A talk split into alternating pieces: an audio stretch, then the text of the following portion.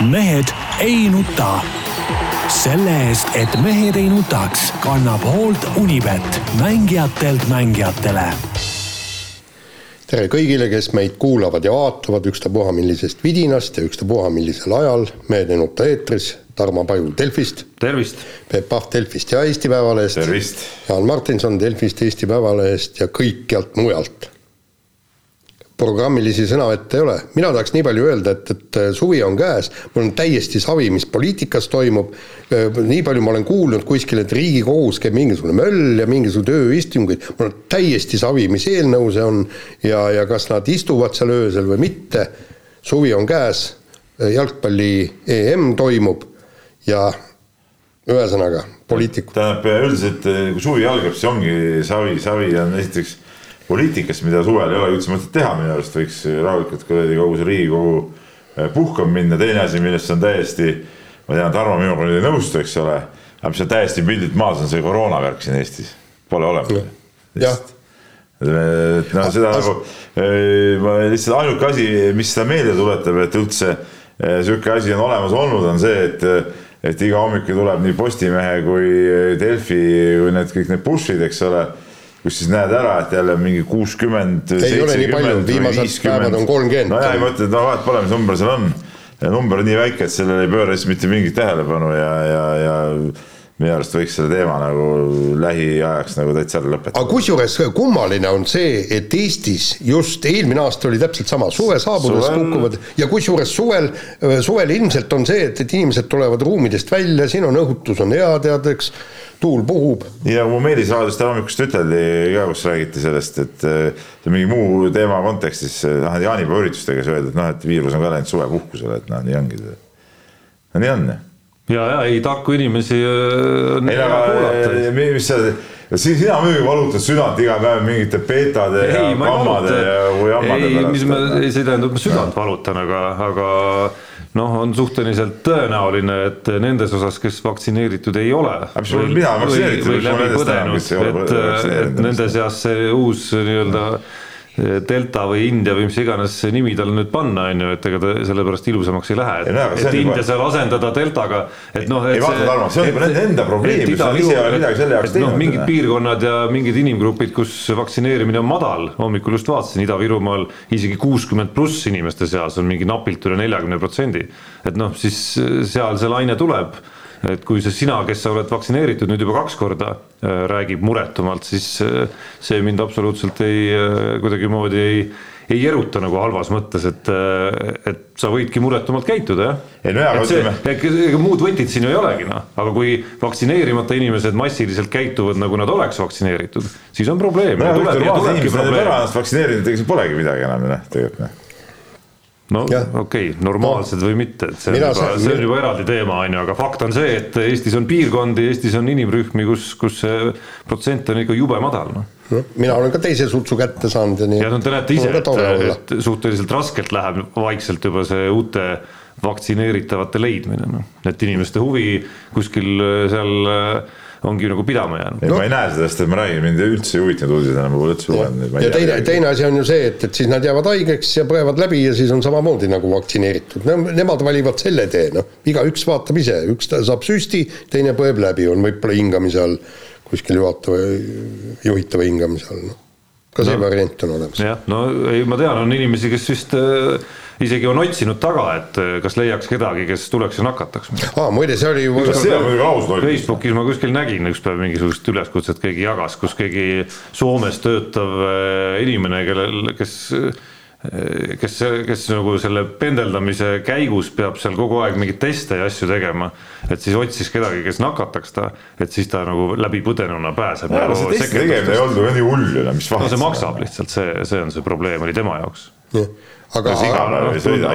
tee. aga noh, tundub suht napakas siis. aga, aga noh, üsna totter oli ka see, et, et, et Eesti riik hakkas nüüd Soomele selgeks tegema, et kuidas nemad peavad käituma, kuidas, milliseid reegleid. see on muidugi täiesti totter jah ja., sellega ma nõus et ükski teine riik ei saa teise riigi asjadesse sekkuda, keegi ei saa ütelda, et sa pead piirid lahti tegema, sa pead laskma seda, teist ja kolmandat. ja see on, see on nagu väga hale, hale jutt tegelikult, noh. kõik on, riigid on siin... ikka suveräänsed riigid tegelikult. ja no siin olen ka mina nõus tegelikult just selle nurga alt, mis on jäänud nagu vähem kõlama, et noh, see oli ju meie riigi ja meie riigijuhtide valik lasta see nii-öelda nakatumine ikkagi nagu kõrgemale, hoida piirangutega tagasi viimase hetkeni, noh, keegi, ma ei hakka siin hindama, kas see oli õige või vale, on ju, aga fakt on see, et riigid on valinud täiesti erineva strateegia ja, ja kui Soome on valinud teistsugusena, siis selle strateegia osa ongi see, et me hoiame oma piirid kinni. ja, ja, ja, ja mis, mis me mõte, räägime. mis mõte on neil siis seda teistsugust teed valida, kui nad äh, samal ajal ütlevad, et okei okay,, teie eestlased, noh tulge siis on ju, siis rootslastele ka ja nii edasi. ja, ja mis me räägime siin Soomest, vaadake, mis näiteks seal Austraalia on, mingi hiljuti tuli jutt kus, kus Austraalia lahtiste tennise meistrivõistluste peaorganisaator lootis, et järgmise aasta jaanuaris saab turniir toimuda Austraalias, sellepärast et järgmise aasta suveni tahetakse Austraaliat täielikult kinni hoida. ja, ja praegu oli variant, et see Austraalia lahtised toimuvad hoopis kas Dohas või Dubais, eks, mis on ka nüüd absurdne, eks, aga nemad hoiavad rahulikult kinni terve kaks aastat ja neil oli Austraalia peal, ma vaatasin, seal ei ole kuude kaupa mingit surma, neil kogu Austraalia peal mingi kaheksa nakatunud päevas. kakskümmend viis miljonit inimest. nii, räägin spordist. nii on. kahjuks ka tervisest. kahjuks ka tervisest. Euroopa meistrivõistlustel ütleme niimoodi, et, et kõige enam tähelepanu ei pälvinud isegi mitte see avamatš, aga, aga mäng Soome-Taani, kui, kui taanlasest mängija Äh, murule kokku vajus ja, ja pärast seda hakati teda elustama, väidetavalt süda seisis viis minutit, aga suudeti mees ikkagi sealt maailmast siia maailma tagasi tuua ja ja, ja selles suhtes läks kõik, kõik nagu õnnelikult. Äh, jube palju oli kõike juttu, et kuidas seda, kas see oli õige, et, et seda näidatakse tele, teleekraanil, seda elustamist isegi elektrišoki aparaadiga, kui kui, kui, kui, kui näed, et, et talle elektrišokki tehakse, kõik nii. vaata siit, siit ei võeta jällegi äh, õppust Ameerika jalgpallist. Ja sealt on tegelikult noh, vaata kõik need videokordused ja kohtunikud kõik, seal on niimoodi, et seal on sinised telgid mis käivad lahti umbes niimoodi, et, et vajutad nupule, plärts, telk on lahti. tõmmatakse tärk, eh, telk sinna koha peale või siis viiakse mängija telki, kõik, kõikide silma alt on ära. ja, ja ei ole mitte mingit probleemi, sa võid eh, näidata üht, teist, kolmandat, kõik näita, mida tahad. aga, aga mängija on seal eh, sees ja varjatud. aga teine asi, mis on minu meelest kõige suurem möödalaskmine ja mida Ameerika jalgpallis alati operaatorid teevad, nad otsivad seda hetke, kui mängija Äh, viiakse väljakult ära, ta on kanderaamile teinekord rihmadega kinni seotud. aga seal on niisugune traditsioon, et, et mees näitab pöial üleval, et temaga on, ta, ta on elus. see mitte see, et, et temaga kõik korras on, aga ta on elus. ja alati näidatakse ja siin, vot see jäi näitamata, sellepärast et Twitteris saime selle pildi kui, kui no ikka kui... veerand tundi vähemalt hiljem, kui Ve... ta oli staadionilt ära just, viidud, eks. veerand tundi ilma. aga... need, et need kaadrid, kus Eriksoni abikaasa oli seal Taani mängijate embuses, on ju ja, ja nuttis seal, need jätsid pigem nagu niisuguse mulje, et asjad on ikka väga halvasti. just, aga me kõik ootasime just seda hetke, et näidata, kas tal on silmad lahti, kas ta on elus. ja see, ja see, vot see oli see viga, mitte see, et, et kas ta näitab seal elustamist või seda südamemassaaži, aga just see, et me ootasime kõik ja ausalt öeldes mul olid kõik blogid lahti ju, ise ka ja, ja värskendasin neid ju, kõik, isegi üle maailma blogidest. ma otsisin just seda pilti ja kui see tuli, noh. ja et noh, selles mõttes tundub imelik tagantjärele, siin on, on olnud inimesi, kes on leidnud, et isegi selle pildi levitamine, kus siis äh, sealt kellegi vahelt, kui ta ära viidi, Erikson oli nagu näha, et silmad on lahti, äh, isegi üks käsi oli vist pea peal ja teine oli siin rinnal, tilguti oli küljes, on ju, et isegi selle pildi levitamine kuidagi nagu oli väga ebaeetiline minu arust vastupidi. see on, see on haige jutt. et minu arust vastupidi, et see oli just see pilt, mis sellel õhtul andis maailmale selle noh, andis nagu mingis mõttes nagu eluisu nagu tagasi, on ju, et see, see asi kippus nagu nii masendavaks minema, et see viimased aasta ja rohkem on maailmas niigi olnud suhteliselt nagu nüri aeg, on ju, ja siis selline asi ka veel suurel spordipeol, mis peaks olema miski, mis nagu toob natukene nagu rõõmu tagasi, on ju, ja siis, juhtub selline asi, on ju, et see oli see pilt, mis tegelikult mhm. andis nagu kergenduse lõpuks sellel õhtul, et okei okay,, huh no mina seda asja otse ei näinud, nii et mina, ma niimoodi ei oska nagu kaasa rääkida, nagu te siin praegu räägite, et, et mul olid hoopis muud üritused ja ma seda mängu otse ei vaadanud, ma pärast, pärast hiljem vaatasin järgi, nii palju kui seal järgi vaadata sai. et aga, aga mina ei leia, et, et seal midagi valesti oleks tehtud, et miks, miks ei näida, miks ei pea näitama seda, kui elustatakse, siis inimesed saavad teada, mis viga on. Noh.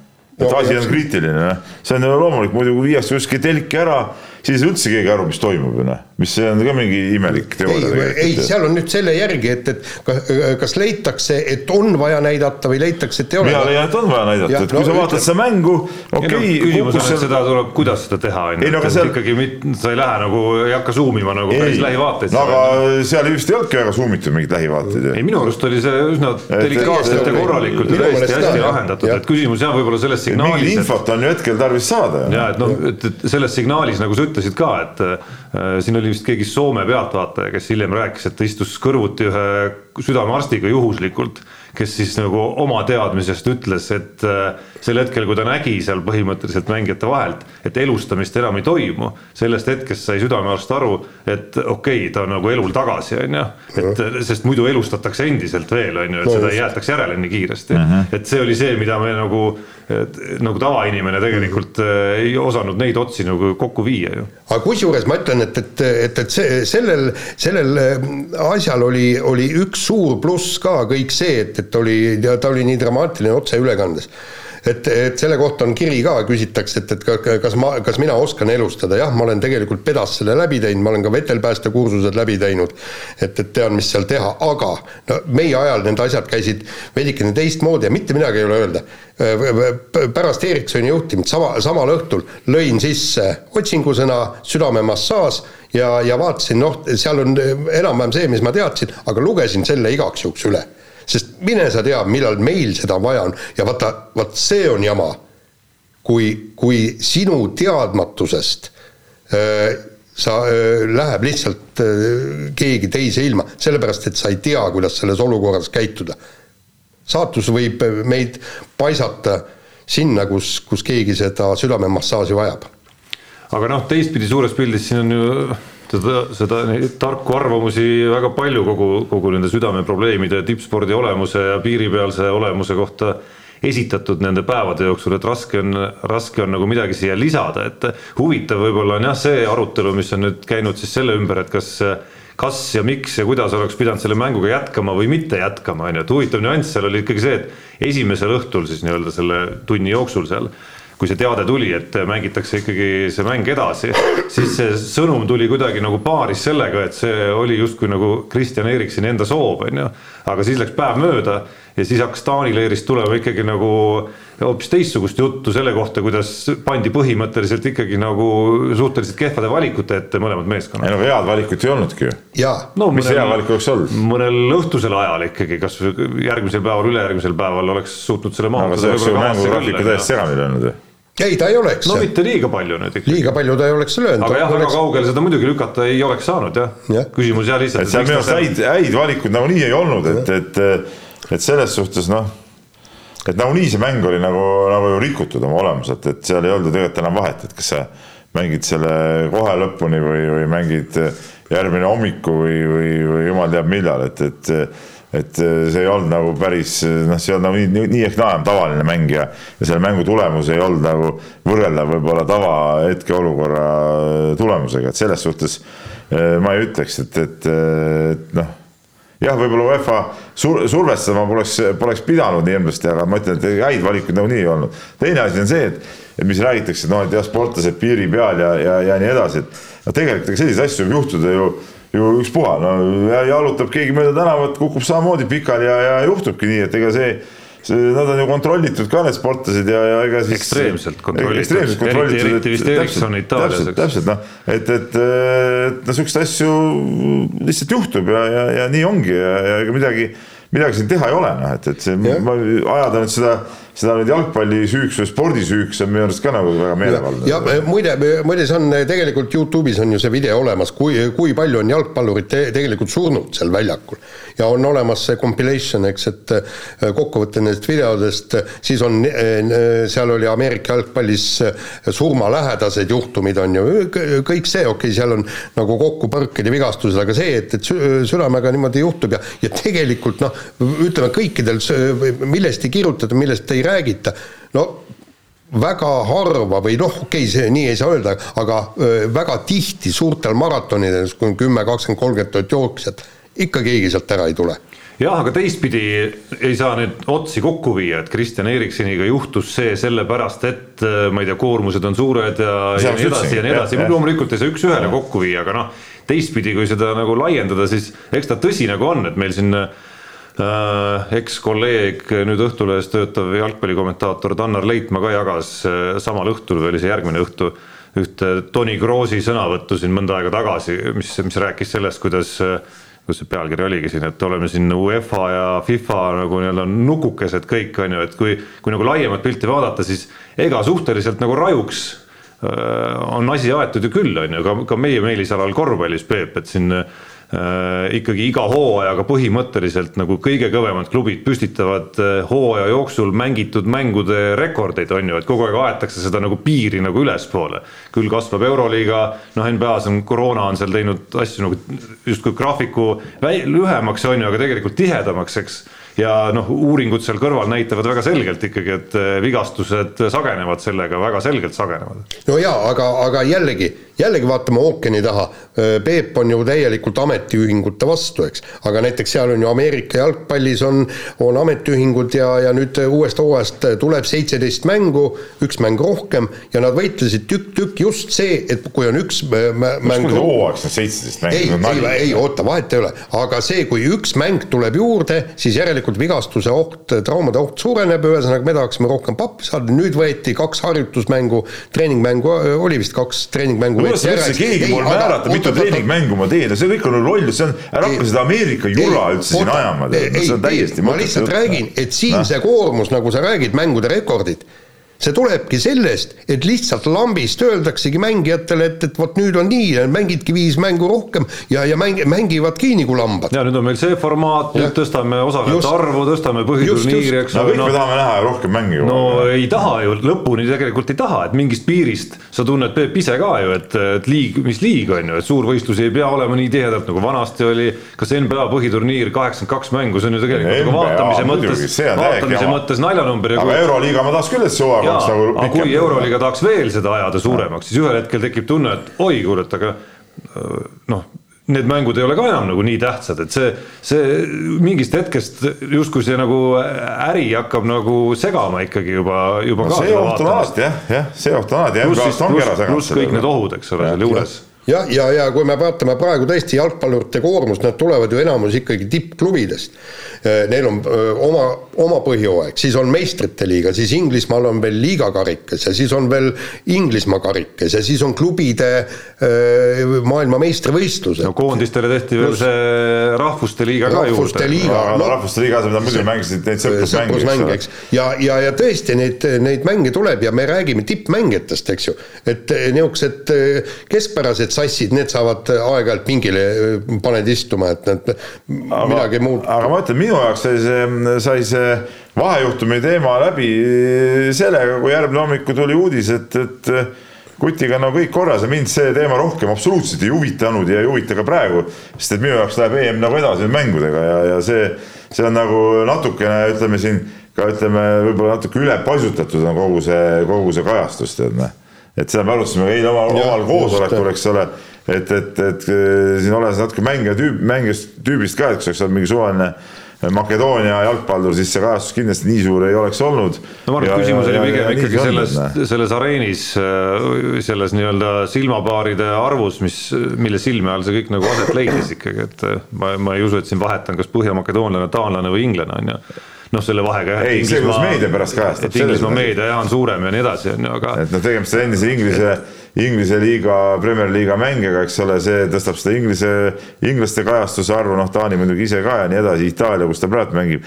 aga noh, tegelikult ikkagi noh, minu arust nüüd tuleks see juhtum lükata küll nagu tahaplaanile ja rääkida ikkagi nagu nagu EM-ist, sest et mängud on need, mis praegu no, on nagu põnevad. No, küsimus oli selles, et nii suure arvu silmapaaride ees noh, ei ole sellist, nagu sa, Jaan, kirjutasid oma kommentaaris samal õhtul, sellist äh, võitlust elu pärast, sõna otseses mõttes ei ole lihtsalt see, nähtud, et see on see põhjus, miks see, lõppes, miks see oli, aga. see lõppes õnnelikult ja, selle... ja, ja siis nüüd on tähendab nagu edasi. ongi, ongi edasi mindud ju tegelikult. jah, ja, ja, ja. aga ikka meil ajakirjandus, me teeme siin mingeid eksperimente kuskil kirjutame, nõutakse, et tehke veel lugusid, mis see keda enam ei huvita, räägime asjast. see on nüüd see osa, mis sellest juhtumist siiski peaks nagu jääma, et seesama Jaani üleskutse, et õpime ja oskame Eh, inimesi elustada, eks ole. seesama teema, et kuidas rahvasportlased peaksid targemini treenima, on ju, ja nii edasi ja nii edasi, on ju, et noh, need on need asjad, mis.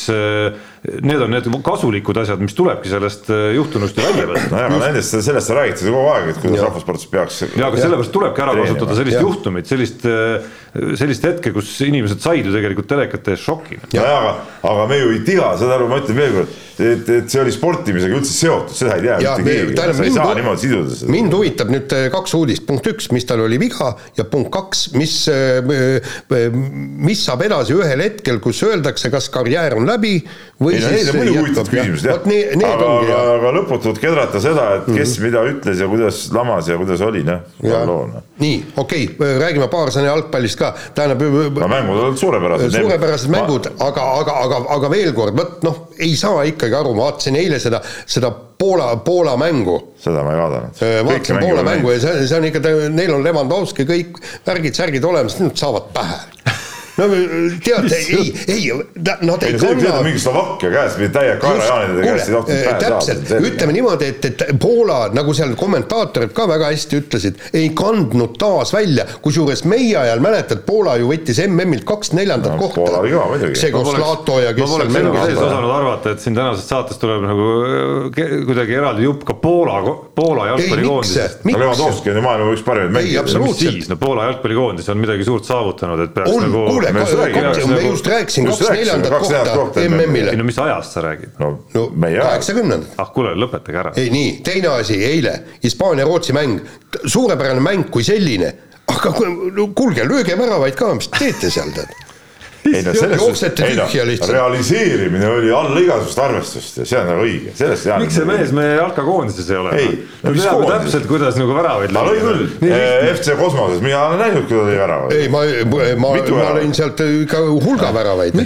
Flora fännile vastu kaks-null võitsime mõlemad väravad. terve elu vales kohas kuskil siin nagu kir kirjasõnas. no aga kas sinu arust ei olnud siis imelik, et need nii palju sellisel tasemel jäetakse nii palju võimalusi realiseerimata. aga see on see midagi uut või? no ikka on uut. kuule, võtke soomlastest eeskuju. kaheksakümnendatel, kaheksakümnendatel. ühe meetri pealt üle värava. no vot, aga võtke soomlastest, võtke soomlastest eeskuju, üks väravavõimalus, üks pealelöök väravale ja üks. okei, värav pudistas ka muidugi. ei no las ta pudistas, aga, aga asi on tehtud, eks ei no on olnud, on olnud siis ägedad mängud, mida, mis on mulle jätnud mulje see eilne, loomulikult äh, see Rootsi-Hispaania, loomulikult ma jäin Rootsi poolt, Holland-Ukraina mul oli väga kahju, et see Holland lõpuks ikka see võiduvärava lõi. mul ka, sellest tuleb juttu veel. Sest et noh, ei no mul on seal omad asjad jälle, et Ševtšenko ikkagi oli kunagi üks, üks mu lemmikmängijaid ja nüüd ta on seal nagu peatreener, et selge see, et ma olen sellepärast nagu, nagu nende poolt, et noh. Et, et need on võib-olla Äh, kaks supermängu odas Inglismaa, Horvaatia oli ka nagu ikkagi oli kõva, kõva asi, eks ole. ja täna loomulikult siis äh, tuleb Saksamaa, Prantsusmaa, tead noh. No ma pean veel nagu isikliku mulje pealt kindlasti lisama siia potti Itaalia võidumängu, minu arust just. ikka ülimalt sümpaatne algus turniirile Itaalia. vastane on ebahuvitav lihtsalt. no ebahuvitav või mitte, aga, aga väga stiilselt, väga efektiivselt ei, ikkagi Itaalia mängis. aga et... ikka huvitavad mängud on need, kus mõlemad võistkonnad on huvi pakuvad, see on nagu point et et minul on nagu kõige suurem mulje võib-olla seni nähtutest on isegi nagu Itaalia. aga see on, aga see on alles algus jah. sest üldjuhul on alati nii, et need, kes jätavad turniiri alguses mingisuguse ülisümpaatse mulje, need tavaliselt mitte kuhugi ei jõua tegelikult, et noh nii on ju. no nii võib olla jah, aga mitte alati. Äh, vahetame teemat, aga mitte väga kaugele. kiidame Eesti jalgpallikoondist, Balti karikas saadigi kätte uhke värk, vaata, vaata kui vinge, vinge karikas on ju. ja, no teie peaksite olema eriti sillad, sest äh, olete mõlemad, eriti Peep, kultiveerinud seda arvamust ikkagi, et see võikski olla nagu kõige tähtsam saavutus Eesti jalgpallikoondisega. absoluutselt. sest et see on see on vähemalt asi, mida me oleme võimelised võitma, me ei võida kunagi Euroopa meistrivõistlusi või MM-i, noh. no mitte kunagi, see on nagu selge, noh. aga sihukest asja võime võita ja, ja naabrite vaheline turniir see peakski olema kõige tähtsam asi tegelikult, noh. aga noh, kindlasti ei ole vähem tähtsam, ma arvan, küsimus ikkagi, et kas, kas näeme siin vaikselt äh, uue tõusu alget no ütleme niimoodi. vara ütelda, mina, ma selle, ma ütlen nagu seda, ma ütlen, et, et nende mängude põhjal praegu mingit uut, uue tõusu alget või uut tõusu noh, ma ei tea, sama Leedu kaotas, ma saan aru, Hispaania U kakskümmend üks koondisel null neli, eks ole, et, et, et noh.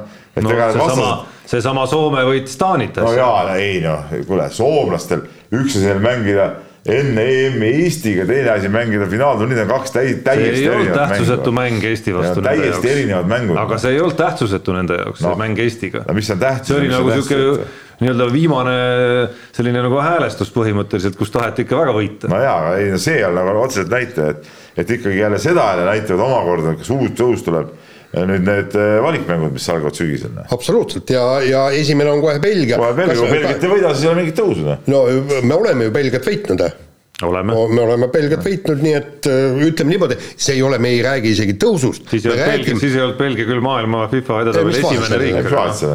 ega ei ole muidugi. kes käskis meil sama palju tõusta sellest hetkest, kui Belgia just täpselt ja, ja siis, kui me nüüd suudame Belgiat sügisel võita, siis me oleme jõudnud oma endisele kunagisele tasemele tagasi.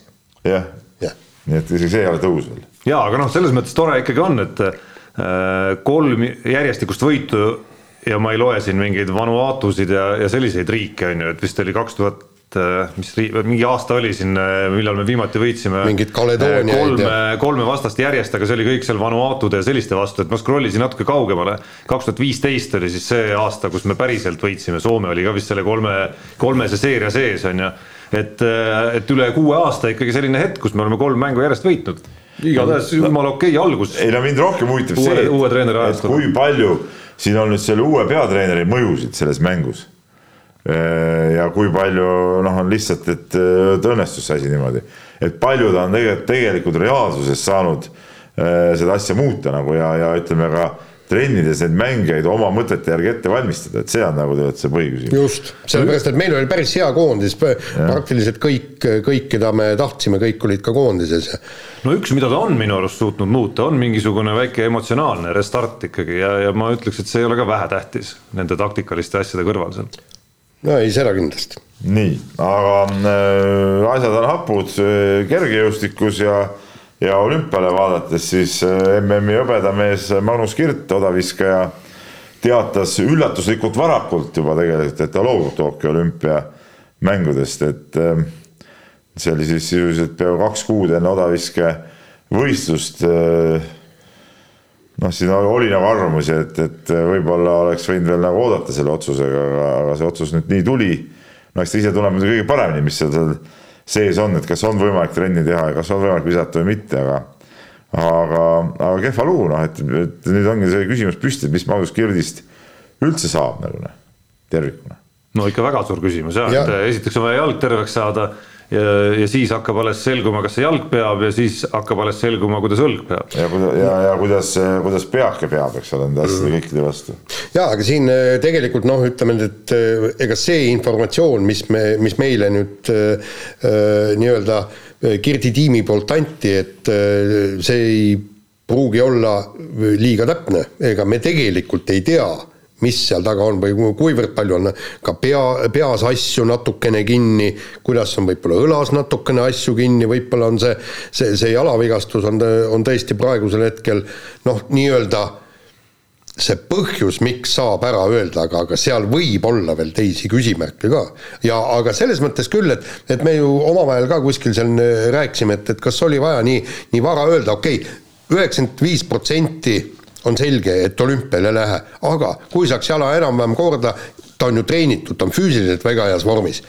ja läheb, läheb, läheb trenni, proovib täie jõuga visata, oda lendab kaheksakümmend meetrit, aga me ei tea, aga miks ta ei võiks lennata? no tundub ei, kuidagi ei, ei no hea näide on ju Andrus Värnik äh, Ateena olümpialt, näe sisuliselt ühe jalaga käis ja viskas ennast ju kuuendaks ju. jah, ja, ja, ja, ja, ja kus see oli võimas. see oli võimas. ja see, see tema seal see olümpial viskamine oli äh, sama kõva kui mõne teise mehe medal, ma ütlen teile tegelikult. no mulle tundub see natuke utoopiline jutt ikkagi. aga kuidas Värnik sai minna et niimoodi? no esiteks on äh, Värniku ja Magnus Kirdi vigastused ilmselgelt erinevad, nii nagu iga vigastus on erinev, siin me räägime veel kahest vigastusest, ehk siis kõigepealt aastasest pausist äh, raske õlatraumaga ja nüüd siis veel jalatraumast raskest otsa, et kuidas saab Magnus Kirt olla praegu väga heas vormis, hoolimata nendest kahest vigastusest. ei ta on füüsiliselt, ta on füüsiliselt, no ta jõud võib olla on, käsitaja näitajate poolest füüsiliselt väga hea, aga mingid näitajad ei saa kindlasti olla Jaa, head, kui ta ei ei, ole saa. saanud oda visata küll õla ja küll äh, jalavigastuse tõttu juba, juba kaua nüüd siis juba, kaks aastat. ja No kaks peaaegu kaks, jah. ei no ei, ma eeldan ka, et tal ikka oli mingi sisemine teadmine, et tal ei ole võimalik nagu seda jalga alla saada, aga noh, ütleme see paadunud optimistina, sina, Tarmo, muidugi pessimist alati, eks ole. ei saa, koroona tuleb, maailma lõpp tuleb, laava hakkab purskama kuskilt Toompea nõlvadelt alla, kõik, eks ole. kõik, kõik võib juhtuda kogu aeg, kiiver peas okikaitsmed peal, sõidame ringi, eks ole, autoga.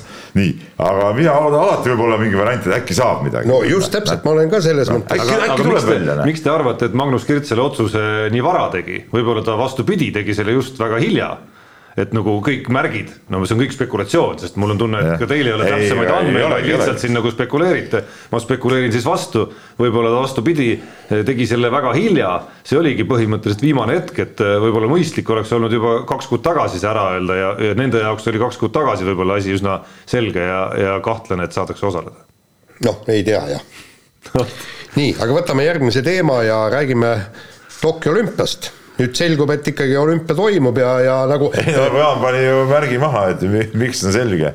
ja, ja miks on selge, sellepärast et meil on lennupiletid kõik ära ostetud, juba saadeti mulle, kõik täpselt, tean, millal lennukile istun, millal tagasi tulen, aga noh, ütleme nüüd tegelikult me käisime selles nii-öelda olümpiamängude instruktsioonis ja seal ikka öeldi ka, et noh, Instruktsia instrukция, da.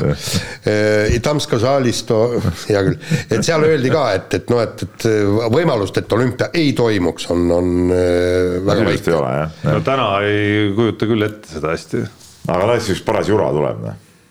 ma arvan, see tuleb, no me oleme päris palju olümpiadel käinud, eks ole. ma arvan, see tuleb kõige, kõige nõmedam olümpia, kus, mida me oleme oma, oma silmaga näinud. noh, ilmselt ta tuleb, aga no eks see töö oma olem-, oma olemuselt, ei, ma ei mõtle, töö, töö on töö, eks ole, ma mõtlen oma olemuselt ja, ja emotsioonide poolest, no hakkab juba pihta see ei ole sellest, seda tavaolümpia õngu, noh, ma ei usu elu sees, et see tuleb. ja, ja hakkab juba pihta sellest, et il, ilm, ilmselt ei tohi, ei saa välismaa publik sinna tulla ja loota nüüd, et Jaapani publik oleks see on nagu kindel ju. nojah, see on kindel, et loota, et Jaapani publik, isegi kui ta tribüünidele lubatakse, et ta suudaks näiteks kas või kergejõustikuvõistlustel sama pädev olla ja, ja reageerida ja sama, sama noh, nagu, nagu me oleme harjunud nägema ja kõik, kõik muud, muud alad ka siia juurde, et, et noh, aga noh, tuleb üle, üle elada, ära kannatada ja Pariis ootab. no Jaan, Jaan pääseb ka varem koju sealt on muidugi see. See õnn seekord, et ta tuleb äh, mitmed-mitmed päevad varem, kui olümpia läbi saab. jaa, aga õnnetus on see, et, et ma saan paar päeva kodus olla ja siis noh, ralli, noh, Belgia. ja et, et ütleme niimoodi, mis et sa, miks sa, mis mõttega sa kodult läbi tuled üldse siis? Ei no vot sellepärast sealt saaks otse ka ju. vana mees, ma, Tokyost, Tokyost saab otse ka Belgiasse. ma võimaldan vanale mehele siiski ka väikese puhkepäeva. muide, ma, ma olen ühe niisuguse otselennu teinud mõned aastad tagasi, ma tulin öö, Monte Carlo rallilt ja järgmine päev läksin Aspenisse X-mänge vaatama. ja põhimõtteliselt ikkagi võttis, võttis ikka tervise täiesti läbi. mina olen teinud ka ühe oli triki, ma tulin Makedooniast eh, korvpallikoondise mängult ja niimoodi, et jõudsin õhtu või öösel mingi viimase lennu koju ja järgmine kell, päev kell kaksteist panin minekut, ma ei mäleta, kas see oli Osaka MM-ile või Daeguusse, noh, ütleme nii, et ütleme ka päris, päris mõnus oli. no ma mäletan äh, oma olümpial käikudest, et iga olümpianali oli põhimõtteliselt seal viimasel nädalal, et kes tahab jääda nüüd äh, paraolümpiat kajastama. ei, mitte ei taha, et, et peatoimetaja helistas ja ütles, et sa jääd nüüd paraolümpiat kajastama. aga kusjuures vabatahtlikke ei olnud üldiselt. Äh, jäidki, mul on ju need Norra, Norra tele, telemehed, kes seal olid, noh, tähendab, ta ei ole mitte see, noh, lihtsalt kaam-, kaameramees ja tegi seal intervjuusid ja kõik niimoodi, hea tuttav ja ja tema ütles, et temal ongi niimoodi, et tal oli, kus see eelmine, eelmine olümpia oli, ma, aa, Rios, eks ju, ja ütleski, nüüd on nädal siinsamas Rios puhkust ja paneme kohe paraolümpia ka otsa. ongi see on raju muidugi. see on raju. aga no ei, no keeruline saab see olema muidugi ja noh, Jaapan ise päris nõmeda olukorra ees muidugi seal, et noh, ühest küljest sul on riik, sul on inimesed, kes noh, tegelikult ju ei taha seda olümpiat enam, on ju. no aga seal koroonat ei ole. aga teisest küljest oled sa andnud käe ja noh, enam kaks kuud või kolm kuud enne, no ei võta seda kätt sealt ära ju. noh, sundseis mõnes mõttes ju Jaapani jaoks ka ikkagi, nüüd on küsimus lihtsalt, kuidas see kuidas see kuidagi nagu eluga läbi teha, eluga selles mõttes, et noh, tõesti, kui seal hakkavad äh, mingid koroonajuhtumid näiteks rullima seal sportlaste, treenerite kuskil seas, et mis, mismoodi see olümpia seal siis nagu päriselt siis ära peetakse. selge see, et seal mingid juhtumid tulevad, seal on ebareaalselt, seal midagi ei tule. tähendab, ütleme niimoodi, et, et kui seal olümpiakülas või, või, või kuskil võistlusbaasis mingid juhtumid tulevad, see elatakse üle aga kus kõige suurem probleem on see, vaata nagu see Martti Raju rääkis, juba praegu põgenevad need vabatahtlikud ära yeah. ja kui järsku selgub, et mõned vabatahtlikud on haigestunud ja nad kõik poole olümpia pealt sealt jalga lasevad, mis siis tehakse? Ja, mis see, siis tehakse, see, sellepärast et nende seal... peale väga kõik mõtlevad, mis vabatahtlikud on, aga tegelikult nende peale väga suur ei, mis nende peale kogu see mängud üldse püsivadki. olümpiast üldse püsti seisabki, jah. jah, ilma nendeta ei ole võimalik mänge korraldada. nii on, jah aga natukene veel olümpiast, eh, seekord Heiki Nabi silme läbi, ehk siis eh, Heiki Nabi on oma ajutisest eh, võistluskeelust siis vabanenud, saab trenni teha teiste sportlastega, saab võistelda ka, käiski võistlemas siin vahepeal, ehk nagu Jaan kirjutab, ei käi pea maas ja häbi silmis, vaid valmistub ikkagi Tokyo olümpiaks. tõsi, nüüd päevade või paari lähema nädala küsimus ilmselt on siis see, kas kas ja milline otsus Heiki Nabi dopingukaasuses Eesti antidopingult tuleb? no otsus ja. peaks tulema vahetult enne jaanipäeva. nii, nii palju kui on infot. just, aga, aga ka see otsus ei pruugi selles mõttes olla lõplik, et alati võib ju äh, WADA või Rahvusvaheline Maadlusliit seda vaidlustada. ja küsisin ka Nabilt ja, ja tema nagu seda väga ei uskunud, et kui ta juhuslikult õigeks, ma äh, küsiski, et no et mis mõte oleks siis tuua veel kümme äh, eksperti, kes kui nad on erapooletud, räägivad kõike sedasama juttu, et see aine on tema organismi sattunud juhuslikult ja, ja ainuke, kusjuures no muidugi ei tea, ütleme, see võib olla ka eksperte, kes väidavad vastupidist, me seda ei tea ju praegu ja ma arvan ka, et Heiki Nabi arvamus sellel teemal nüüd äh, ei ole kõige neutraalsem. aga lihtsalt tehniliselt mõttes on. oot, oot, ma räägin, ma räägin ära asja. teine asi on see et ma arvan, et Vada igal juhul vaidlustab selle. ei, ma ei ole kindel. kuule, mingisugune maadleja. kuule, kuule, kuule, siis nad, ei, asi ei ole selles, et mingisugune maadleja, vaid see on pretsedent, mis jälle sunniks järjekordselt ikkagi tõukaks selle peale, et Vada peab jälle hakkama oma reegleid muutma.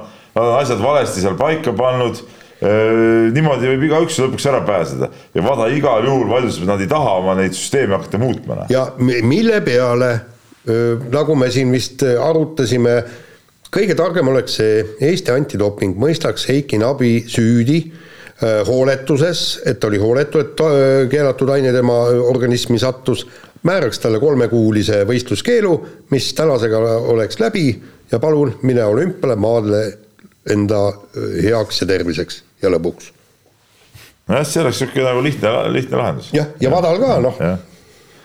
kõik oleks nagu saanud siis nagu nii-öelda puhta näoga loost välja minna hundid söödud, lambad terved, aga karjust ei ole. laseme kõlli. laseme kõlli. oota, kas hundid sõid siis karjus ära või? nojah. näed sa. näed, hundid on söönud, lambad on terved. aga mis nad lammast nagu peale ei hauganud siis? ei nad tahtnud, aitas sellest karjusest küll no,. karjus on üldse mingi kondine vanamees ju või no, väike poisike? no ei tea, võib-olla saadetakse mind või sind karja, sealt oleks ikka võtta küll ju mul oli eile kodus rebane. ei usu eriti, et see. mul eile kodus suur, aia taga suur rebane, nii suur. nii suur, nii suur. kuule, äkki oli saakal? ei, see oli rebane Peetris kusjuures veidral kombel. ei, ma olen varem käinud seal. kuigi tegemist on ikka üsna tihe asustusega, eks ole, et äh, mingist ajast on ikka sinna väikestesse metsatukkadesse jäänudki rebased ja jänesed mõlemad seal uhavad ringi seal kuskil. ja sõbralikult saavad läbi nagu muinasjutus. sõprust ma ei ole veel näinud, et ühte kaadrisse ei ole veel mulle nagu mõlemat jäänud, enamasti on üks või teine. no meil käib karu sealt tagant äh, jalutab läbi, et. viskad käppa talle ja. ja ei no meil on nähtud ja, ja. sul on meepulk kogu aeg taskus, et kui kuskil tuleb, siis viskad selle ette. teda on ka, kahes kohas ükskord võeti videosse ka ju, saadeti meil video, kui lippas üle tee ja tähendab, ja teine kord siis me, meil üks hommikul läks koera jalutama, nägi siis teie, teisel pool minu öö, seda, noh, meil on seal väike aiast, nii-öelda aiandusühistu.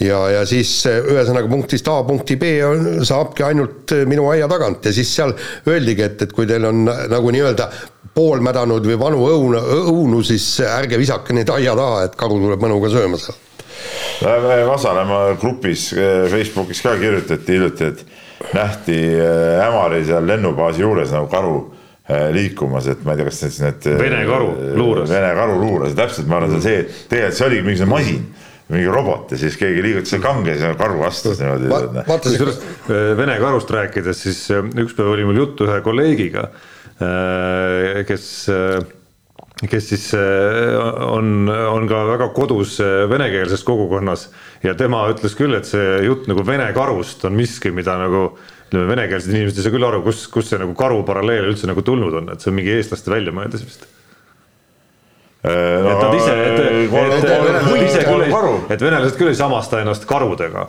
jah, ei no aga see. selle oleme meie välja mõelnud. ei no see maalane, see kolm karu ju. ei ei, see on maal ja kõik, ei no Karu ja Miša, kõik see on tore, eks neil on hunt on Misha, see ju, see on hunt on, eks Tambovski volki tavariš. ei no aga kui sa vaatad seda, see multifilm, mis on ju see, mida kõik lapsed vaatavad nüüd see, no see väike tüdruk ja karu, noh, ütle nüüd. Massa ja Karu. Massa ja Karu. noh, no seal on ka karu on ju, karu on ju põhitegelane seal ju noh, sihuke natuke totu sihuke uudu, eks ole no,. kindlasti on ka muudes riikides multikaid, kus on karud. meil on ka mõmmiaabid. et keegi ei räägi Eesti karudest. et eestlane on nagu karu. tore kiiver on, isa kiiver on sul peas nii, enne kui see asi, enne kui see asi käest ära läheb, Jaan, hüppa nüüd teema juurde. olen, olen. rohkem kui sina, ma arvan. ei, seda ma ei usu. aa, sa vaatad senini, ma saan aru.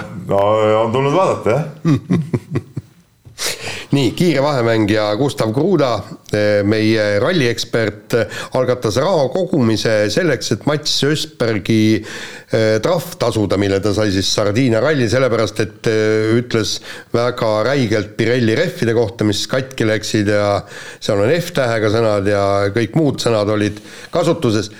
jällegi. ma küsin nagu enne kas ta sai trahvi selle eest, et ta kasutas neid F-tähega sõnu või ta sai trahvi selle eest, et ta Pirelli rehve sõimas? mina sain, mina sain ikkagi pigem aru, et see F-tähega sõnad. F-tähega ja... sõnad jah, aga tegelikult eh, minu arust eh, Gustav Kruda tubli mees, et algatas selle, selle kiidame kõik heaks, aga tegelikult kui nüüd Pirelli vennad oleks olnud nagu ise nagu aumehed, nad oleks ise selle trahvi ära maksnud.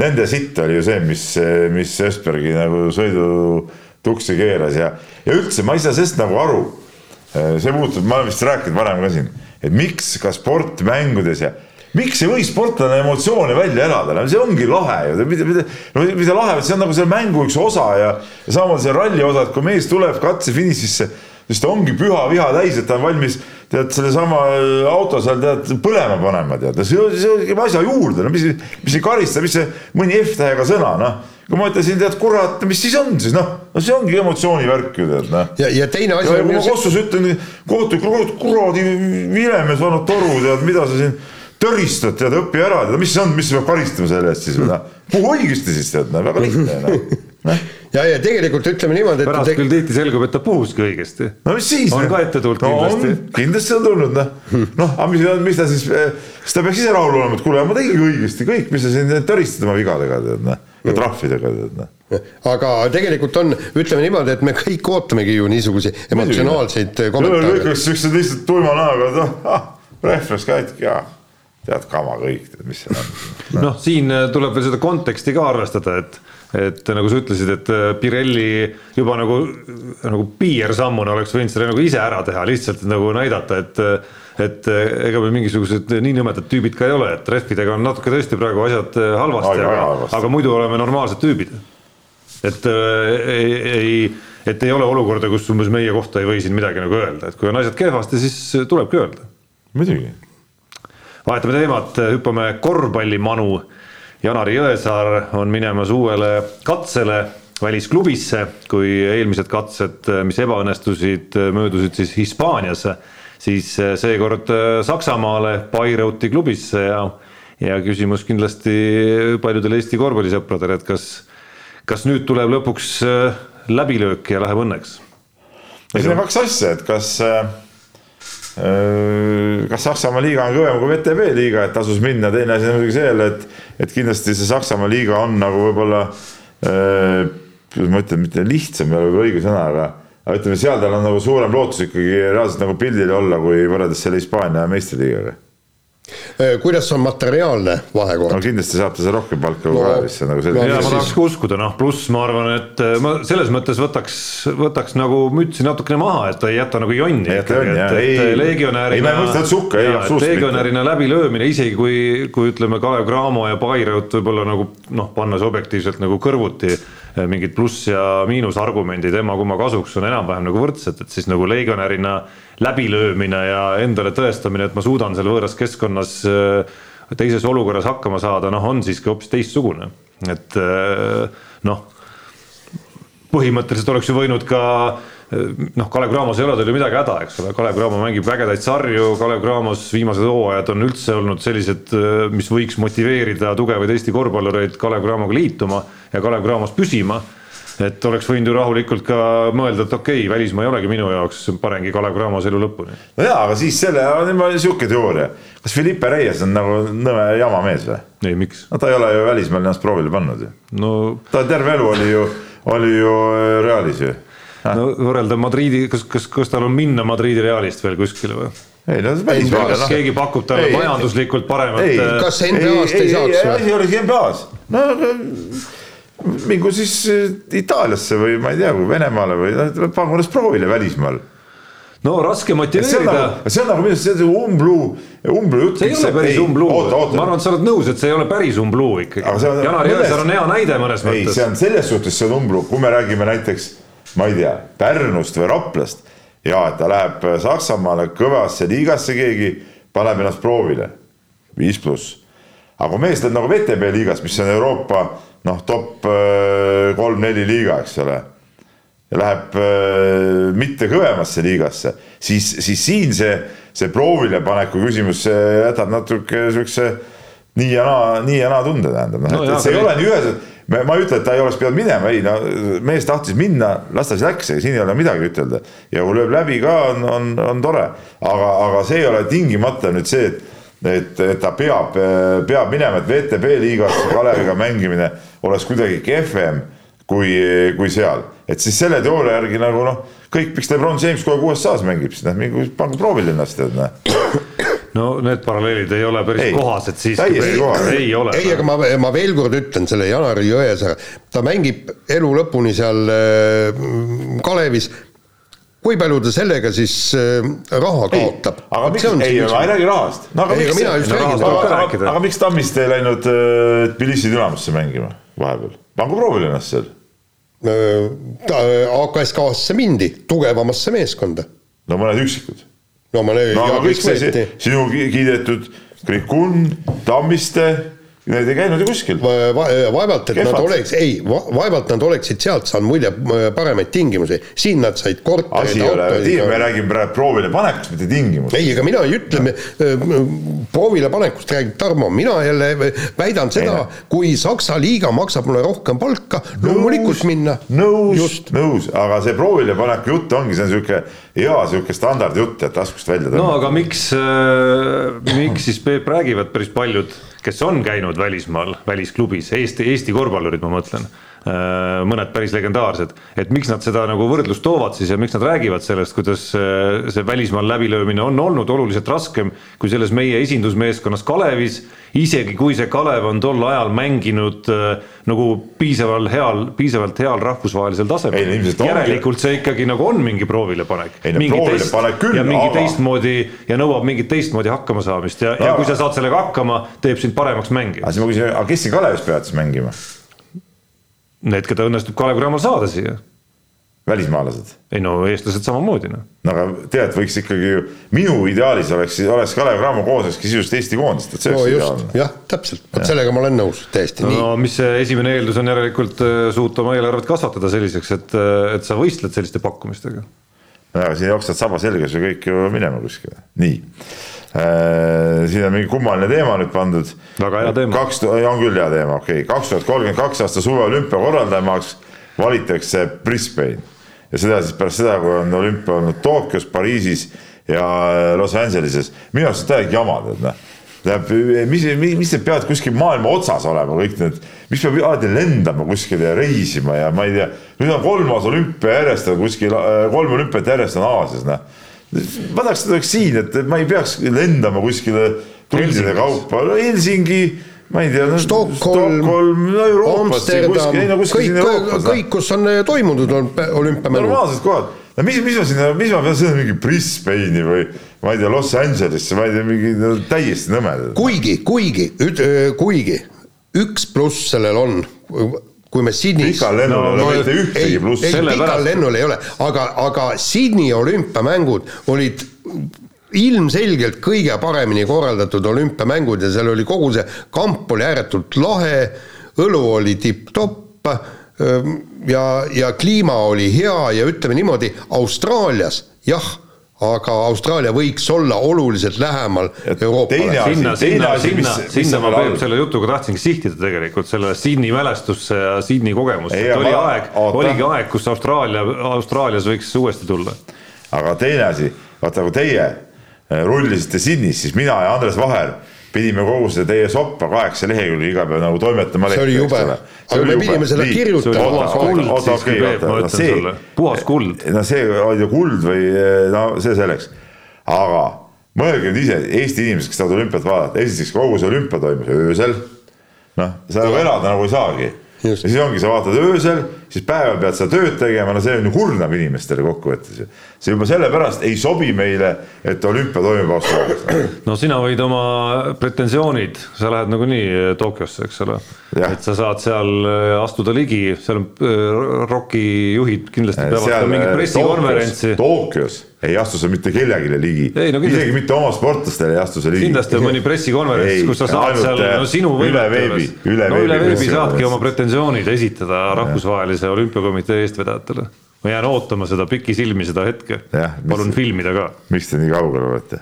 nii, seda dialoogi ma ootan pikisilmi.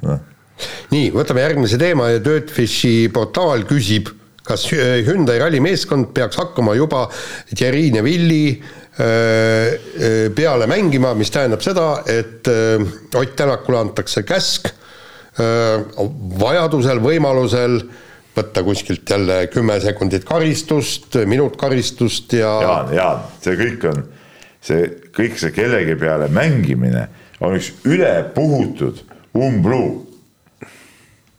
sõidad kiiresti, saad eespool ja ongi kõik. Just, aga kui sa ei sõida kiiresti. no ei no variant ongi ainult siis, ütleme tõesti, kui on vaja punne, et sina oled esimene ja ütleme, see nii-öelda esinumber on teine, okei okay,, lased ta mööda, aga muud võimalust sul ei ole ju no seal on ju täielikku kino tehtud, vaata, kui võetakse karistusi ja siis Ei, jäädakse kiiruskatsetele no hiljaks ei no okei okay,, Peep, aga mis hetkel siis, kas on juba aeg käes, et Keenias nii teha, kui oled esimene-teine, ei ole. Millal on? no siis, kui on, ütleme nagu tõesti on väga suur vahe juba ja, ja, ja, ja on näha, et ei, need ei ole sisuliselt võimalik. ja ütleme niimoodi, et, et praegu on ikkagi Praegu on ka ikka veel prakti, praktiliselt on võimalik. muidugi on, mis ei ole siis noh. ja, ja ütleme niimoodi, et mis, oota, mis sõnastad, mis asi on võimalik? et see, täna Toit- tuleb ise maailmameistriks no ainult koos Ogier Evansi äh, mingisuguse ebaõnnega, puhta sõiduga küll mitte. ei, nagu sa võidad ära kõik rallid ja, ja, ja on küll võimalik, aga teine asi see, et, et noh, tõenäosus, et järelenud hooaja jooksul Ogier ja Evans ei ole, mõlemad vähemalt korra, ei ole võimalik. korra ebaõnnestuvad. seitse rallit, nii, Tänak esimene, Ogier teine ei miks Ossier teine? ei no siis sa peadki juba, juba sisse kodeerima selle, et Ogier midagi, midagi ebaõnnestub või teeb ei midagi valesti. ei mis mõttes, kas või et keegi tuleb vahele, see muudabki selle teoreetiliseks. Ei, ei, miks vahele? seitse punkti esim- seitse punkti esimese, teise vasekatse ka. kokku nelikümmend üheksa viis punkti tuleb, ei seitse punkti tuleb juurde Tänak esimene ja Ogier teine kõikidel punktikatsetel ja kokku viiskümmend kuus, ei piisa.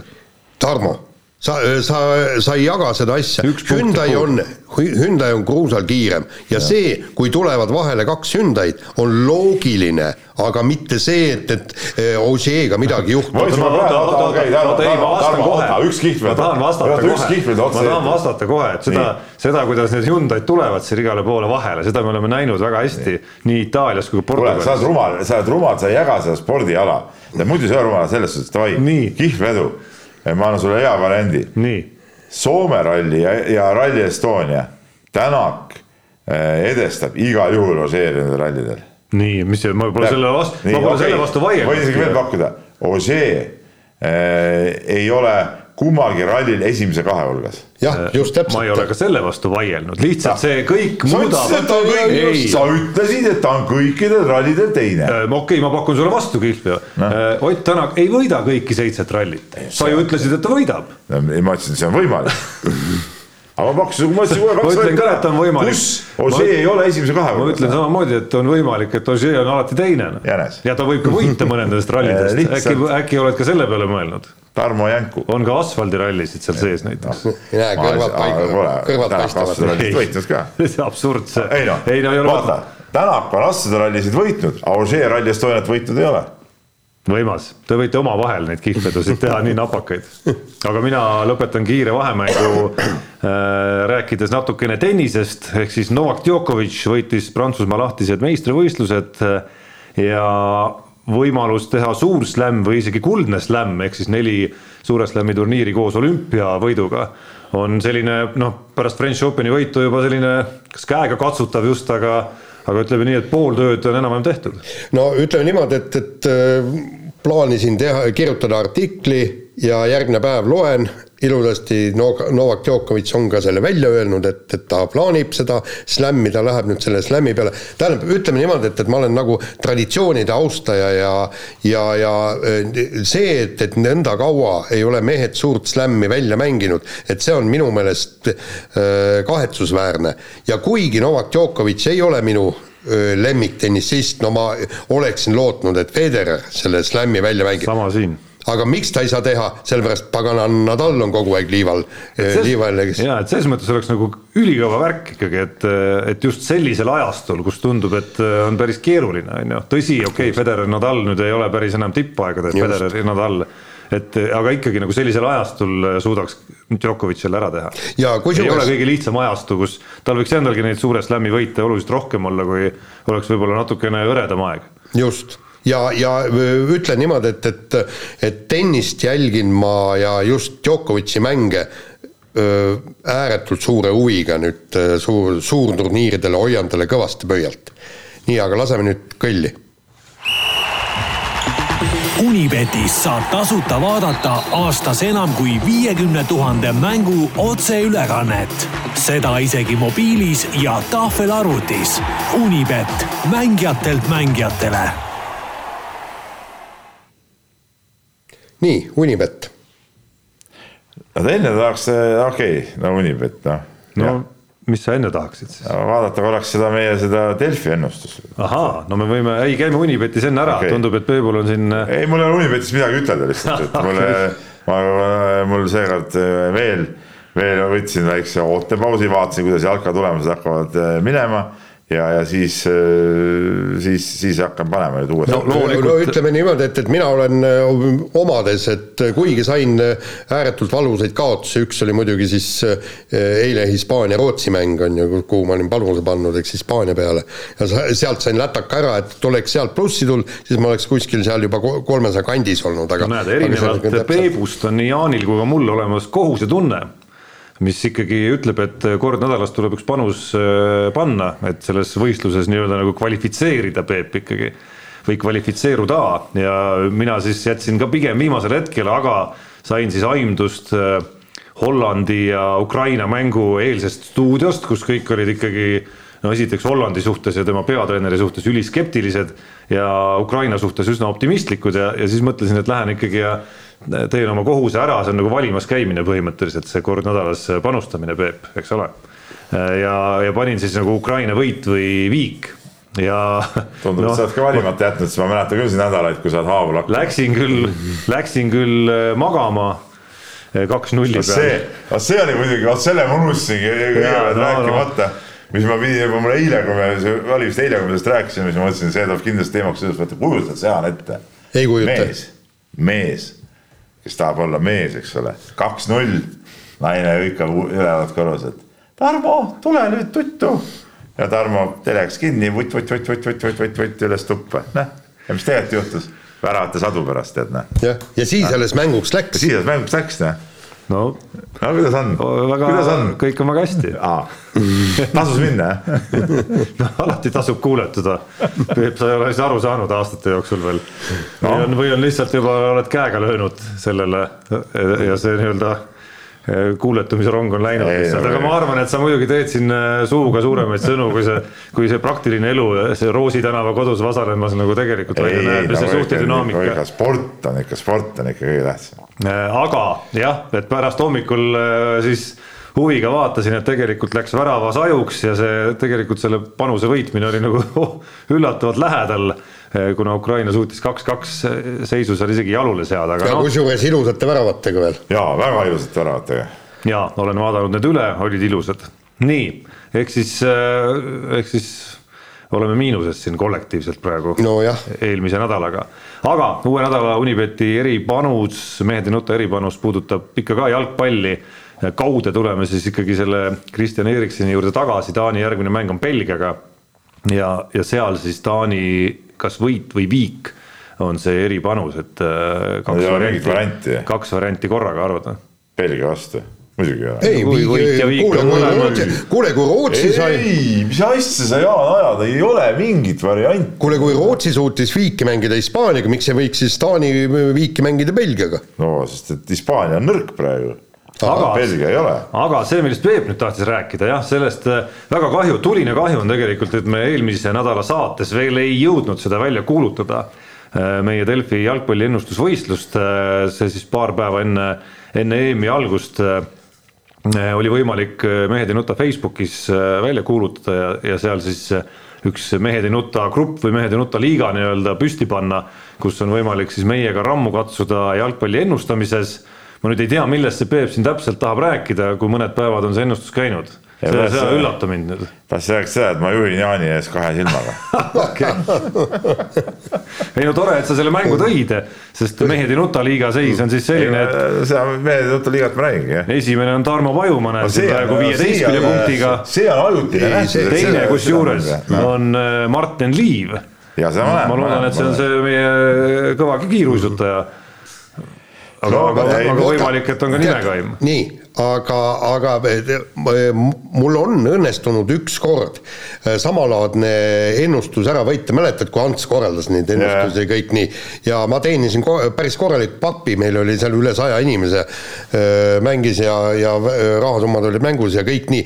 Ja siis need jalgpallispetsid ütlesid, et et see ennustus on teatud määral ebaõiglane, kuna õige tulemuse eest, mis on tegelikult see eh, täitsa no kullikirja viskamine, saab kaks punkti. siin saab ühe oled kindel, et ühe? no absoluutselt, kui on õige Jah. võitja või viik, on üks punkt, kui on õige tulemus, saab teise punkti ja lisaküsimus annab veel ühe punkti Aa.. nii et kolm on maksimum, mis on ühe mänguga võimalik ma võita. mõtlesin, et saab kaks punkti ei, sellega. minul on, ma isegi julgeks- millega ma veel rahul olen siin ja muidugi oota, oota, ma ütlen ära siiski ja et noh, et, et, et mul on viisteist, Peebul kümme punkti ja Jaanil siis kaheksa. Jaan on kusjuures äh, äh, selge ees tulemas vastu ka ühele Aruküla Hiiule, Veiko Paenurm on nimeks tal, ma näen, et on Jaanile järele jõudnud nulli pealt, nii et, et äh, Jaan pingutab jaa, aga ma saan ütelda nii, et meie toimetuse nii-öelda ka jalgpallispets Gunnar Leheste, tal on küll kümme punkti, aga ta on minust tagapool, ta on neljateistkümnes, kui ma olen kolmeteistkümnes no,. aga ma muidugi, ilmselt mingi koefitsientidega on nagu kõrgemal. ma muidugi annan aru, et äh, ma lihtsalt kasutan praegu võimalust ära, sest see võib olla mu ainus võimalus Ma võitseda siin selle ennustusvõistluse jooksul. ajutine nähe. Mitmes sa üldedetabelis oled? üldedetabelis äh, jagan ma põhimõtteliselt, ma vaatan, et viisteist punkti hakkavad kümnenda koha olijad, nii et jagan kümnendat kohta. mina olen kaheksasaja kolmekümne teine. Ei no vaata, kümne, kümne, kümnenda koha jagamine, et, et nippa-nappa pääsed võib-olla äh, seal EOK stipendiumile nii, aga jalgpalliennustus.sport.delfi.ee on see koht, kus tegelikult saab veel liituda ka. ma ütleks isegi, et äh, täna liitudes äh, võiduvõimalus on suurem kui Ott Tänakul tulla maailmameistriks. nojah. üksjagu mänge on läinud juba, aga aga noh, viisteist punkti no. mehed ei nuta liiga parimana mul hetkel ja top üleüldist tabelit on juhtimas Heiki üheksateistkümnega, et noh, siin on veel kule, mänge kõvasti, kolm ja, punkti ja, on iga ja, mänguga mängus. ja, ja, ja kindlasti äh, võiks ju, kui praegu liituda, siis minu meelest äh, oleks ju ääretult äh, äge eesmärk, kas suudaks mulle või Veebule äh, järele jõuda ja mööda minna. minule nagunii ei jõua, siis ma võidan ära selle mehe, see on selge. aga noh, ma tegin, ma tegin Jaan... ühe hingetõmbega, tegin kogu selle ennustuse lõpuni ära, ma ise ka ei mäleta, mis ma seal pannud olen muidugi täpselt, aga. aga nüüd ma pean äh, vaikselt mõtlema, et, et meeles pidama, et ma ei unustaks, ma ei, noh, ma ei no,. sina vaatad nüüd, tegelikult see on jälle vale. ma ei vaata, ma ei viitsi kulutada. sa saad ka ikka lõpuni ära ei teinud aga, aga neid saab muuta veel, kuni viis minutit enne iga mängu saab muuta, nii okay. et kui aga keegi saab vigastada näiteks, siis ma ei viitsinud üldse seda ennustust teha, aga noh, teie härdale palvele tulin vastu. nii, kirjad. kirjad ja üks kiri tuli kohe otse saate ajal ja puudutaski sedasama temaatika, mis me rääkisime Kristjan Eriksoni nendest lugudest ja, ja Marek on teinud siin kohe kiire, kiire välja, väljavõtte tegelikult ja, ja, ja, ja tõepoolest, et et kirjutab, et kas tõesti olid need vähemalt kakskümmend kaks samad teemat puudutavad artiklit, kommentaari nuppu Delfis vajalikud ja, ja on siin kõik need nupud äh, välja, välja toonud ja, ja tõesti väga suur number, tead, väga suur number. kakskümmend kaks, see on liiga palju. nüüd tagantjärgi see nimekirja vaadates võiksid mõned olemata olla. Äh, et, et siin nähtavad mindi teise õnnetuse terviserikka abil klikkide järel, noh ma ütleks natuke küüniliselt, et kui see ise klikki ära ei korja, siis korjab keegi teine muidugi, et see vastab ka tõele muidugi. No,. aga noh, et eks see huvi nende asjade vastu oli ka suur, et kui, kui huvi poleks olnud, siis ei oleks keegi ka neid äh, nupukesi ju teinud, tead noh.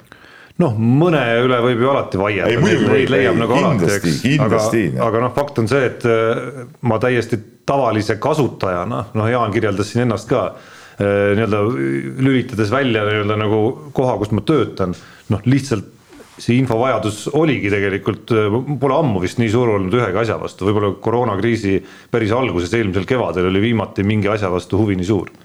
No vot, äh, ma tunnistan ausalt, minul ei olnud seda vajadust üldse, et isik, no isiklikku vajadust. sa ju äh, ei vaadanud mängugi ei vaadanud muidugi, aga ja. mängu ajal me ei saanud. ei, no mina kõik... räägin juba mängu ajal tegelikult toimunust. kuule, mul jäi, mul, mul naine jäi ju ka seda vaatama, vaatasime koos, eks. temaga seda jalgpalli absoluutselt ei vaata, eks ja. ma olin muidugi natuke, ütleme ka sihuke nagu napsu õhtul, et, et nagu muud asjad. see oli, ma arvan, kõikidele meie kuulajatele, vaatajatele ja meile ammugi niigi selge miks et kui ma mängu ei vaadanud, siis mingit muud varianti ei saanud olla. no muidugi oh,. ma saan siin vastu päid ja jalgu, eks ole, kui ma lähen äh, magama, eks ole, enne kui mäng on läbi. sina, Peep, Peep. sa, Peep, isegi ei vaadanud mängu.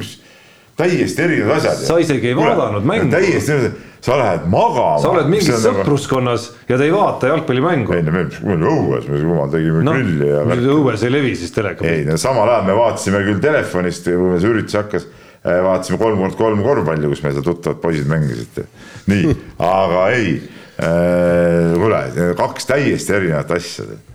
ja peale seda ma pärast vaatasin järgi kõik need olukorrad mm., nii, aga lähme kirjade juurde, siin äh, on kirju tulnud äh, selle Jaani kommentaari peale ja Jaan nagu põgusalt korra ütles, aga ma küsiks üle ka, et, et Jaan, kas sa ise oskad, eks ole, kunstlikku hingamist teha kui peaks vaja minema. ja Tarmo kirjutab siin meile, et no Peebu oskuste kohta juurises pole asja, mida ta ei oskaks, mis vastab muidugi tõele.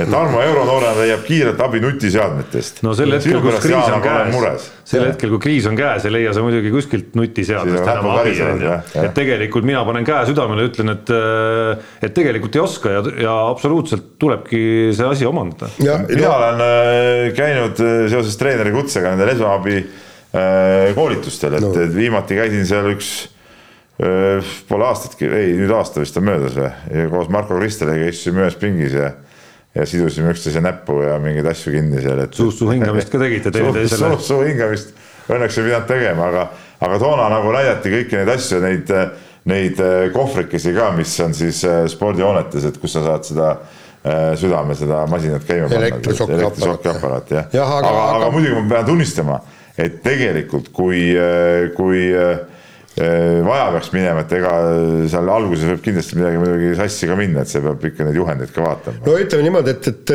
ma tuletasin ikka meelde see pedas õpitu ja see, see just ei no see klassikaline südamemassaaž ja, ja hingamine ja, ja, ja see noh. jah, aga seal, seal oli ka, et, et kui veest välja tõid selle inimese, kuidas põlve peale, eks, et vesi välja, siis ke, no see keele teema nagu põhiteema. keele, keele teema, eks, ja siis kõik. teemal on palju räägitud. ja siis me tegime veel selle, proovisime seda südamemassaaži ka selle, kas Anneke või mis selle nuku nimi oli, et, et seda ma olen ka nagu teinud seal tuleb vaadata õige koht, et muidu, muidu pressid need hoidjad katki. Annekese rind hakkas mina olen näinud, mina olen ja, ja, ja. näinud kuskil ühte intervjuud, kus telekas näidati seda mm. ja siis põhimõtteliselt nagu öeldigi, et et see ongi okei okay,, kui sa mõne roide seal puruks muidu, et see okay. tulebki nii kõvasti tulebki teha. ei, nii kõvasti tuleb teha, aga kui sa liiga nagu südame peal, sa pead rindkere keskelt tegema seda mm. -hmm. et, et kui sa liiga roide poole lähed, siis sa lihtsalt murrad nad ja sealt võivad igasugused muud probleemid tekkida ja nii, aga aitab nüüd sellest teemast, läheme edasi, teadlane Priidik, meie väga kirjasaatja on saatnud kirja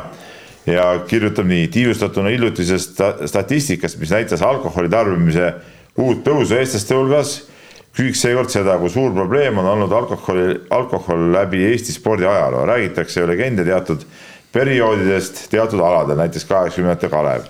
kuid on ilmselge, et tänapäeva spordis on see ühemõtteliselt karjääri lõpetaja. kas Eestis on olnud mõni lootustandev sportlane, kelle karjäär on nii-öelda pudelisse uppunud? no, no no, Priit Jõgi kohe ütleb no, ta oli Peep Jõgi.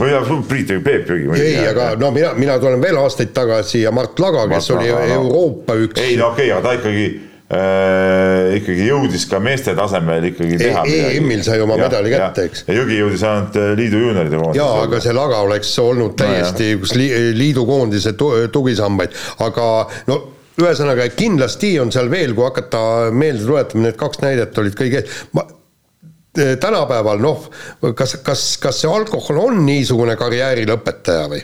ma ei, ei meenu nagu sellest... viimasest paarikümnest aastast ja. küll nagu mõnda väga markantset näidet, no Peep Jõgi oli ikkagi juba sellisel tasemel, kus noh, kus ta oli nagu tänapäeva mõistes oleks ta ikka väga pildil juba olnud noorsportlasena, eks, et tema kadumine ja et ma ütlen, et noh, kui täpselt samal tasemel sportlane tänapäeval nagu kaoks samal moel, noh siis, siis, siis, siis see oleks meil teada, aga, aga midagi sellist ei ole olnud. jah, ja, ja, ja teine asi on ju see, et, et tegelikult eks praegu pannakse ka ikkagi, võetakse ka viina ja, ja teinekord võetakse ka üsna palju, aga lihtsalt noh, sportlase organism kannatab selle välja, nagu Jaan Talts ütles, et et pohmelli higistad tugeva treeninguga välja no siin väikese äh, vahemärkusena veel äh, saab Peebu suunas visata väikese, ma ei tea, torge on võib-olla vale sõna oh,, aga oh., aga siukse nagu lõbusama vahemärkuse küll, et äh, kes ei ole kuulanud veel Peep Pahvi ajahüppeid, Peebu podcast'i siis vana aja sportlastega, siis olgem ausad, ma arvan, kui statistika teha praegu, siis ma pakun, et vähemalt pooltel, vähemalt pooltel nendest podcast idest on artiklis midagi, on pealkirjas midagi, mis on seotud viinavõtuga Äh, ei no päris nii ei ole, aga ütleme, eks see on olnud ikkagi üks põhiteemasid ka, mida vanade aegade meenutuseks nagu ikkagi. et ma olen, ma olen, ma kuulasin siin hiljuti Muru niitas vist neli tükki või kolm neid järjest läbi see number kindlasti aja jooksul kasvab alati, kui ma seda meenutan. et ma kohe vaatasin ja muigasin endamisi, kuidas, kuidas see teema ikka Peep alati paelus seal. aga sind ei paelu, ikka mis pulli on saanud ju noh. no muidugi, absoluutselt ei ole nii või? ei, loomulikult on huvitav. viimane oli Margus Niinemäega, uurisin, kuidas ikka vanasti banketid olid ja no see on, see käis kuidagi selle asja juurde nagu ikka vanasti, nüüd on läinud selles suhtes ütleme, see ametlik sihuke banketi osa on ju nagu ikkagi päris palju ka ära kadunud, tead näe. ei no kunagi oli täiskasvanute või... meeskonnad, isegi siin Kalevi meeskonnad, kas see, see võrkpallis see Maardu Kalev ja kui nad hooaja lõpetasid, siis oligi bankett, treenerid, mängijad, kõik. ei no hooaja lõpetamine, meil oli isegi Keila meeskond esiliiga lõpetas, istusime seal tegime sauna ja võtsime natuke õlutit. ja ei, sai, no aga seal oli viinad laual, kartulisalat ja, ja, ja soolaheiringas ja noh, nagu peab olema. pakett on pakett. sest sakuska, Tarmo, on alati väga oluline. tead seda? nüüd tean. nüüd tead, nii. ja meie teine väga hea kirjas, et Tamm-Tamm, tema kirja jõuame ka ette võtta veel. see oli väga hea kiri. ja eh, kirjutab sellist asja, et tere mehed, et eelmises saates te rääkisite võimalusest korvpalli meistriliiga laienemisest, ilmselt see saab ka teoks, ütlen ma siia vahele eriti pikalt te sellel ei peatunud. Teie ei võtnud seisukohta, kas see on hea või halb. minul tekkis üks küsimus juba Eesti-Läti liiga Final Sixi ajal, tegin väikse statistika. et äh, mõlemal riigil oli siis äh, kolm klubi väljas, mõlemad meeskonnad, mõlemad riigid said siis kolm võitu, punkte ka enam-vähem võrdselt, aga Läti mängijad Läti klubides kolm, viskasid kolmsada seitse punkti, aga eestlased Eesti klubides ainult sada kakskümmend punkti, lisaks kaheksakümmend üks punkti viskasid lätlased, kes mängivad Eestis.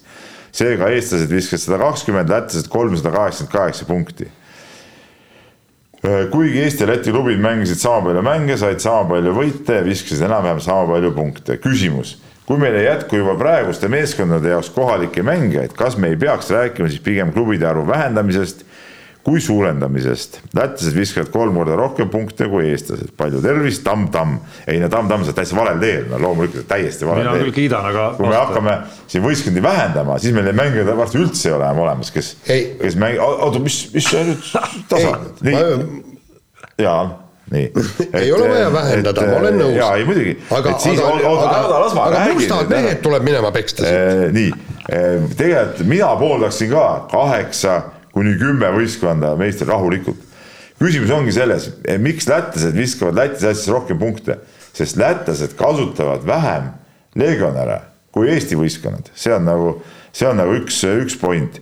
teine point on see, et lätlased on alati julgenud omi mängijaid, ka noori mängijaid ja niimoodi eh, rohkem mängitada ja nii ongi lihtsalt, et, et tegelikult ega Eestis on ka need mehed olemas, võib-olla Eesti treenerid natuke natuke arad olnud nende mängijate kasutamisel, et, et mina ei näe küll siin mingit probleemi, et, et, et toome neid noori rohkem sinna meistriliigasse sisse ja las, las põrutavad, et noh, midagi pole häda. ja tegelikult, kas, kas see Eesti ja siis kasvab ja siis see mängijate hulk, ütleme viie aasta pärast, kes on meistriliiga tasemel valmis ikkagi mängima, ongi palju suurem veel kohe. no just, tähendab, tähendab tehagi niimoodi, no ma ei, ma, ma ei oska öelda, kui me teeme Lätiga ühisliiga, noh siis võib-olla ei saa seda kasutada, kui on puhtalt Eesti liiga üks äh, platsil võib olla ainult üks legionär, punkt. aga no ma ütlen siia, oota, ma ütlen siia vahele ka, et et iseenesest fakt, kas meil on liigas, ma ei tea, kuus klubi või kaheksa klubi, on ju äh,, ei muuda seda mõtteviisi siiski, et, et see on nagu natuke teisejärguline küsimus võrreldes sellega, et kas siis meil on klubid ja meeskonnad ja treenerid,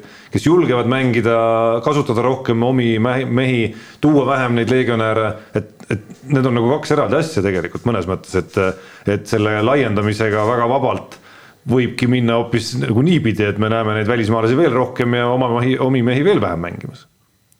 no ei, ma see, see tundub nagu ebaloogiline nagu natuke ikkagi. et seegi see, et noh, ei ole mõtet teha võistkonda, kedagi ei huvitaks, kui Pärnus mängiks ma ei tea, seitse legionäri, noh, kedagi see võistkond ei huvitaks, noh. ja seda näiteks äh, John ja need saavad ise ka väga hästi aru, nad seda ka ütlevad, see ei ole nende, nende tee, nemad tahavad mängida seal kuni kolm äh, välismaalast ja see ongi õige, õige tee, kui sa võtad siis, ma ei tea, viis-kuus välismaalast, siis seal ei ole nagu pointi, okei okay,, kui sa oled Kalev Cramo, mängid tippliigat, okei okay,, sul on seal viis või kuus välismaalast, ma saan aru sellest. aga siin selle liiga jaoks võtta neid nii palju, sellel ei ole nagu pointi. kaks-kolm, jumala okei okay aga sul ülejäänud ikkagi sa pead neid omi noori seal pööritama. Peep, aga miks ei saa liiga reeglites seda ära näidata, et sul ei tohi olla pingi peal ühe, kahe või kolme äh, legionäri, aga miks nad ei tee siis seda? sul on Kalev Cramo, kellel ongi vaja võib-olla rohkem neid seal ka, on ju, lätlased miskipärast saavad vist ilma reeglita hakkama. ilma reeglita saavad hakkama, nendel ka VEF-is on neid välismaalasi rohkem, aga teistes klubides on ju sihuke üks-kaks ainult, noh noh, aga siis tehke, ärge tehke reeglit, tehke omavaheline kokkulepe. meil on veel ju see siin, et Eesti-Läti liigas lätlased ei lähe meil välismaalastena kirja. jah no. ja, ja, ja teine asi on ju see, eks, et, et tehke siis omavaheline kokkulepe ja las siis ka, Kalev Cramo mängitab oma, oma neid legionäre, noh et aga minu, minu point on jah see, et, et seda liigat võib laiendada küll ja, ja neid mängeid julgemalt sisse võtta, et see nagu okei okay,, võib-olla üks-kaks aastat need vennad alles otsivad oma seda sihukest kohta ja karastuvad, aga ütleme mingite aastate pärast on meil lihtsalt neid mängijaid paratamatult selle võrra rohkem. no mina ei usu ka mingisse omavahelisse kokkuleppesse eriti, et no, no, lõpuks on eriolukorrad kuskil, ma ei tea, sul saab keegi vigastada mingil hetkel napilt enne eh, mängijate värbamise tähtaega on ju, ja mis sa siis teed? ei no aga siis tulebki reeglid sa võid nagu sundseisus olla näiteks, et mina usun sellesse, et tekib meeskondadel, klubidel ja nende eesotsa on valit-, eesotsa valitud äh, personalil see soov just, selline sisemine soov, et ma nagu pean oluliseks seda, et mul on neid oma noori, noh. et ma mängitan neid, annan neile võimalusi, arendan neid. aga sa ei saa ainult nendega sul on vaja sinna kõrvale mingeid, aga neid ei saa olla nagu palju. Loomulikult, jah, lihtsalt nagu süsteemselt. ja, ja, ja siis tuleb klubi omanik ja ütleb, et medalit on vaja ja no siis see klubi omanik on loll ja siis siuksega ei olegi midagi peale hakata. ei no aga ta, ta ikkagi võtab oma, aga no okei okay,, kuule, korvpallis on see mõnes mõttes ju veel, veel nagu lihtsam, kui sa mõtled, et hooaja lõpus on sul alati igal turniiril play-off. noh, mis tähendab seda, et äh, põhiturniiri faasis nii-öelda tegeleda ka ikkagi kõrvalt arendustööga, mitte ainult selleks, et kellelegi avanssi anda nendele noortele, vaid lihtsalt selleks, et sul aasta lõpus siis kui läheb nagu play-off'iks, oleks nagu kõvemad mängumehed ja rohkem valikut, ongi tegelikult ju tark mõtlemine nii, aga sellega on saade läbi, me oleme juba tund ja kakskümmend minutit siin jahunud. kuulake seda saadet, kuulake kõiki järgmiseid saateid. mehed ei nuta. Saate tõi sinuni Unibet, mängijatelt mängijatele